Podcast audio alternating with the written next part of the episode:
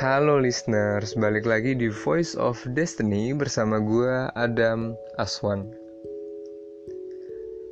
Pada episode kali ini gue bakal sharing ke teman-teman semua tentang malaikat-malaikat gue, trio macan andalan gue, yaitu nyokap, kakak, dan adik gue. Gue adalah cowok satu-satunya di keluarga gue semenjak bokap meninggal. Dan gue dikelilingi oleh perempuan-perempuan hebat ini ya kan. Dan apa ya, mereka itu jadi sumber motivasi gue. Mereka adalah kekuatan gue, mereka inspirasi untuk gue, dan alasan-alasan gue untuk apa yang gue lakuin sekarang gitu. Karena mereka, gue mau gak mau harus meledakin ledakin diri gue yang lama gitu kan untuk jadi diri gue yang baru jauh lebih baik dan maksa gue ngepush gue untuk mau nggak mau jadi leader gitu. Walaupun secara bertahap gitu ya. Secara bertahap dan gue baru ngerasain beberapa waktu inilah beberapa waktu yang lalu gue ngerasain oh, gue emang harus jadi leader gitu. Udah saatnya gitu kan kapan lagi gitu. Dan banyak banget eh, hal-hal uh, yang gue pelajarin dari mereka dari perempuan-perempuan gue yang tangguh ini yang gue mau sharing ke teman-teman semua.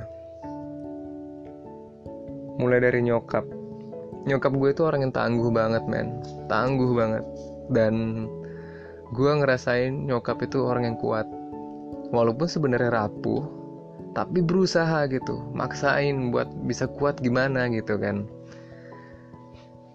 Bisa kalian bayangin gitu uh, di saat bokap meninggal semua tanggung jawab dan urusan-urusan bokap yang belum selesai kewajiban bokap juga semua pindah ke nyokap gitu. Secara otomatis lah. Nyokap jadi decision maker jadi penafkah keluarga gitu kan segala macem. Semua dan gua rasa itu bukan hal yang mudah ya menjalani dua peran gitu. Dua peran dalam satu tubuh gitu kan dalam satu personal individu. Dan gue yakin nyokap juga ngerasain banyak hal yang berat. Banyak banget juga yang gue alami sama nyokap sama keluarga gue sesuatu yang sulit kita untuk lalui gitu kan. Tapi kita lalui aja tuh akhirnya gitu kan. Kita lalui aja sampai sekarang walaupun masih struggle dan makin struggle gitu kan tapi aku tetap belajar banyak dari nyokap tentang kekuatan. Di saat nyokap ngambil alih semua tanggung jawab gitu kan dan keadaan lagi turun drastis waktu itu gue kuliah ya sama kakak gue gitu. Adik gue masih sekolah. Dan gue belajar gitu oh dengan nyokap yang sulit gitu kan ekonomi segala macem jadi maksa diri gue untuk berubah juga gitu. Gue tadinya males-malesan gue tadinya ya tinggal nunggu uang jajan aja lah transferan gitu kan pas kuliah. Tapi ke sini ke sininya gitu kan gue ngeliat perjuangan nyokap yang berdarah-darah lah ngul nguliahin gue pinjem sana sini segala macem uh, untuk kuliah gitu kan untuk hal-hal lainnya lah untuk bayar kosan itu bikin gue ngepus diri dan akhirnya gue meledak men. Artinya meledak itu apa ya gue jadi diri gue yang baru gitu. Gue tinggalin semua hal-hal gue yang negatif uh, dan gue pilih untuk jadi diri gue yang baru gitu. Sikap itu bisa dipilih sifat bisa dibikin. Gue percaya itu gitu. Karena gue alamin sendiri teman-teman. Dan uh, apa namanya pas ketika nyokap uh, lagi sulit-sulitnya keluarga keadaan keluarga gue lagi sulit-sulitnya itu maksa gue untuk berpikir gitu. Oh gimana ya? Kalian bayangin nggak? Gue waktu kuliah dikasih 200 ribu sama nyokap gue itu untuk berapa lama? Hampir sebulan. Hampir sebulan. Gue jajan pakai apa gitu kan? Hampir sebulan. Tapi itu akhirnya gue mikir gitu wah gimana ya? Dari 200 ribu ke 100 ribu dari 100 ke 400 gimana caranya bisa kayak gitu gitu kan? Dan gue cukup bangga dengan hal ini gitu ya gue ceritain. Mungkin teman-teman gue yang kuliah tahu lah ya gue gue jualan ayam gue jualan madu. Ayam pamungkas by the way namanya. Jadi ayam-ayam barbekyuan gitulah gue jual cebanan cuma sepuluh ribu ya kan. Uh, saat itu gue tenteng-tenteng tuh ke kampus tuh. Uh, kalau teman-teman kampus gue pasti tahu lah. Apalagi yang suka beli tahu banget gitu. Jadi itu sebenarnya hasil dari apa ya dari keadaan seperti ini gitu. Gue nggak berani minta ke nyokap nggak berani gue nggak tega gue minta men. Misalnya minta bu transfer dong duit. Nggak gue nggak berani. Nggak berani gue waktu itu. Jadi gue berusaha untuk cari uang sendiri dan lumayan sebenarnya. Walaupun akhirnya ya gue nggak jualan ayam lagi gitu. Tapi itu itu awal itu awal gue suka dengan dunia wirausaha gitu kan. Gue jual casing casing handphone custom case gitu. Yang pernah kuliah dan teman-teman gue pasti tahu lah gue juga uh, jual custom case dan lain-lain. Nah itu salah satu apa ya hal yang gue pelajarin di nyokap tuh kita harus menerima gitu. Kita harus apa ya fight. Fight dan sebenarnya uh, apa ya sebenarnya bukan melawan takdir ya tapi lebih menikmati fight dengan kestragalan ini gitu kan. Kita harus terima tanggung jawab yang diberikan ke kita gitu. Kita harus terima konsekuensi akan hal-hal yang unpredictable kalau kata uh, bahasa Indonesia unpickable. Sesuatu yang nggak kepikiran sama kita gitu kan. Tiba-tiba terjadi udah kita harus siap kita harus kuat kita harus cari jalan keluar secepat mungkin seefektif mungkin. Dan walaupun memang sulit untuk keluarga gue sekarang cuman gue yakin semua ada titik akhirnya gitu. Nah jadi kekuatan gue belajar dari nyokap. Lalu dari kakak gue kakak gue adalah orang yang bekerja keras. Dan orang yang apa ya rela berkorban demi membahagiakan orang-orang di sekitarnya. Itu dari dulu. Gue gue rasain dari dulu sih sebenarnya. Misal uh, dia nggak punya uang juga tapi dia berusaha. Misalnya ada teman yang susah atau apa dia minjemin. Malah dia juga nggak punya uang. Ya mirip almarhum bokap gue lah kayak gitu juga. Uh, terus juga misal uh, dia gajinya nggak seberapa maksudnya kan maksudnya dia juga pasti punya impian lah gitu. Cuman dia rela all out semuanya untuk keluarga dia gitu. Demi kita bisa kumpul mudik dan lain-lain. Tapi sesuatu yang baru ini terjadi ya maksudnya uh, belum lama lah terjadi. Gue inget uh, dia beliin gue sepatu. Sepatunya masih ada sampai sekarang. Uh, harganya 2 juta dan menurut menurut gue itu mahal gitu untuk satu sepatu menurut gue dan dia ngebeliin gue karena pengen karena ngelihat apa ya sepatu gue udah bolong gitu kan kemarin. Udah jelek lah gitu. Dan gue tahu itu juga dia juga pasti punya impian lah bohong lah kalau orang nggak punya impian gitu. Entah mau beli sesuatu beli apa kayak atau untuk nabung nikah dan lain-lain lah. Bohong lah kalau orang nggak punya impian gitu tapi kakak gue rela gitu mengeluarkan apa yang dia punya untuk sesuatu yang apa ya yang gue pakai terusnya. Kebutuhan gue lah seperti itu. Dan keluarga keluarga gue banyak banget lah. Kakak gue udah berkorban banyak lah untuk keluarga gue gue belajar dari kakak gue itu lu kerja untuk siapa sih? gitu. Lu itu kerja lu cari nafkah itu untuk ngebahagiain siapa sih gitu siapa lagi kalau bukan keluarga ngebahagiain diri sendiri gitu kan? Gue belajar kita jangan setengah-setengah gitu. Bahkan untuk keluarga kita kita harus all out lah apa pun itu gitu. Gue belajar banyak banget dari kakak gue juga pemikiran dia yang dia orangnya yang apa ya ambisius ya sebenarnya. Memang keluarga gue ini ambisius semua sebenarnya tapi itu hal yang gue pelajarin gitu. Dan gue cukup bangga ya dengan keluarga gue asik.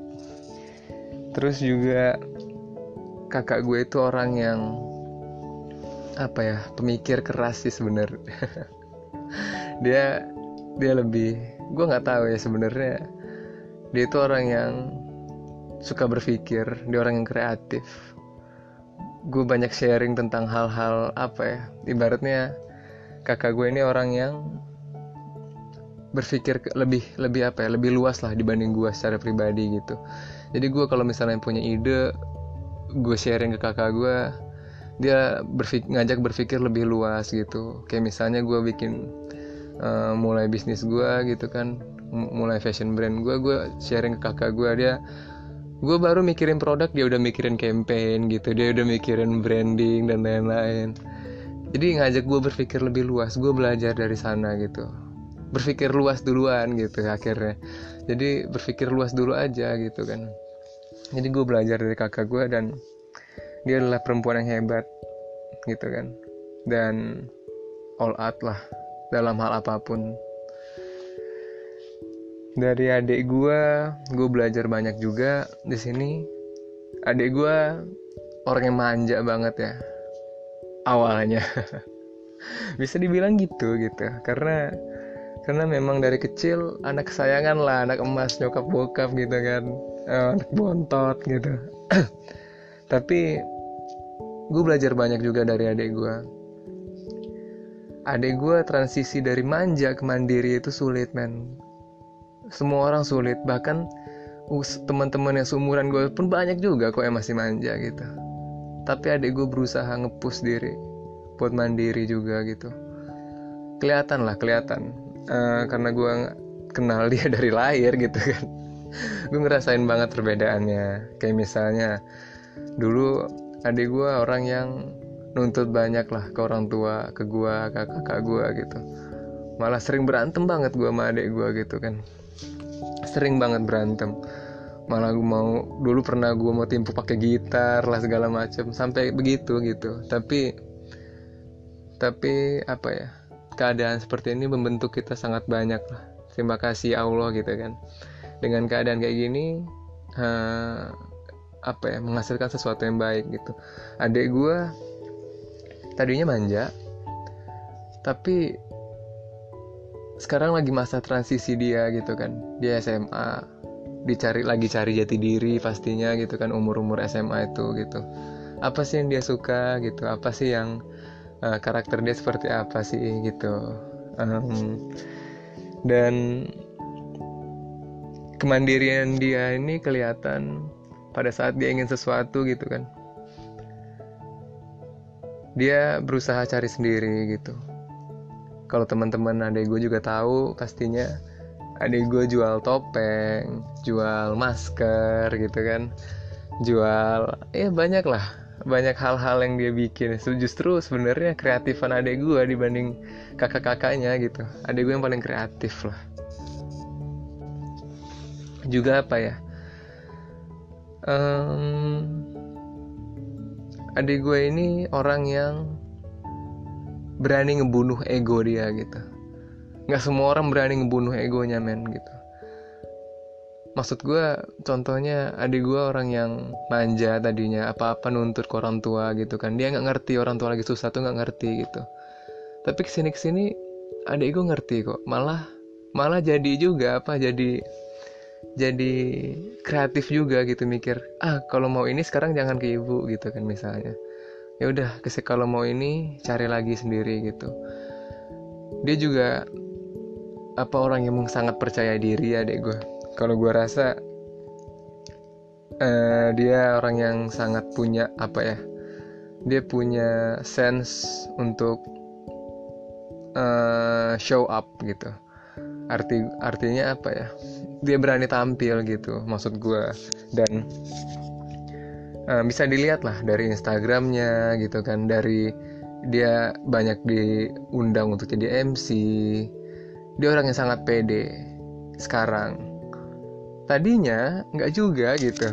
Uh, tadinya dia malah pas masuk SMA gue inget banget dia cerita. Dia dibully sama seniornya lah dijudesin gitu kan.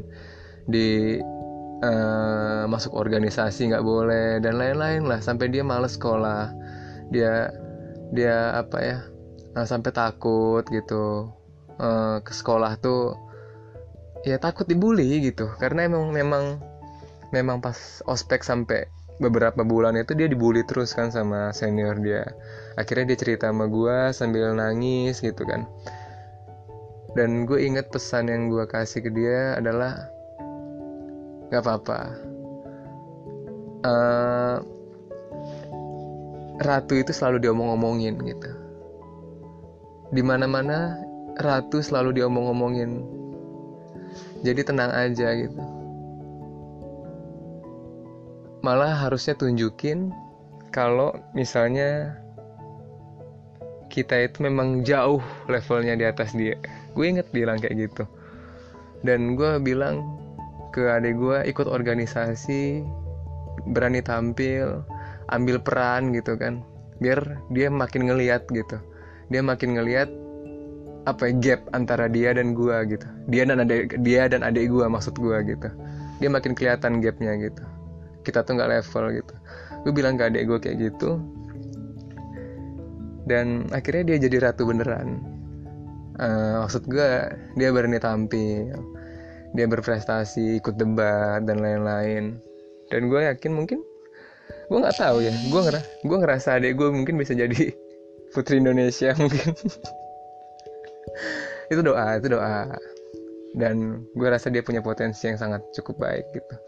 Dan yang gue pelajarin dari adik gue yaitu dia rela ngebunuh ego yang dia punya untuk jadi apa ya tumbuh sesuatu yang baru. Ego ego yang baik lah gitu. Ego itu semua orang punya pasti punya gitu ya. Cuma nggak semua orang rela ngebunuh ego itu gitu. Dan gue belajar untuk itu dan paling itu dulu yang bisa gue sharing. Sebenarnya banyak banget cuman nanti gue sharing di episode-episode lain oke? Okay? dan gue harap cerita-cerita gue ini bisa terus menginspirasi. Orang mah cerita sukses gitu kan gue cerita gagal. Tapi nggak apa-apa men. Uh, itu proses. Dan gue gue yakin suatu saat ini podcast ataupun sesuatu yang gue bikin hari ini bisa jadi saksi gue sulit-sulitnya gue sekarang lah.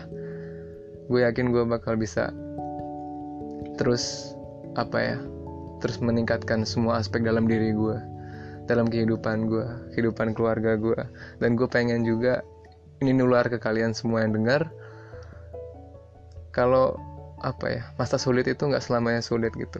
Gue juga belum keluar kok dari masa sulit gue tapi gue yakin ada titik terangnya ada titik finishnya oke teman-teman sampai ketemu di podcast selanjutnya goodbye.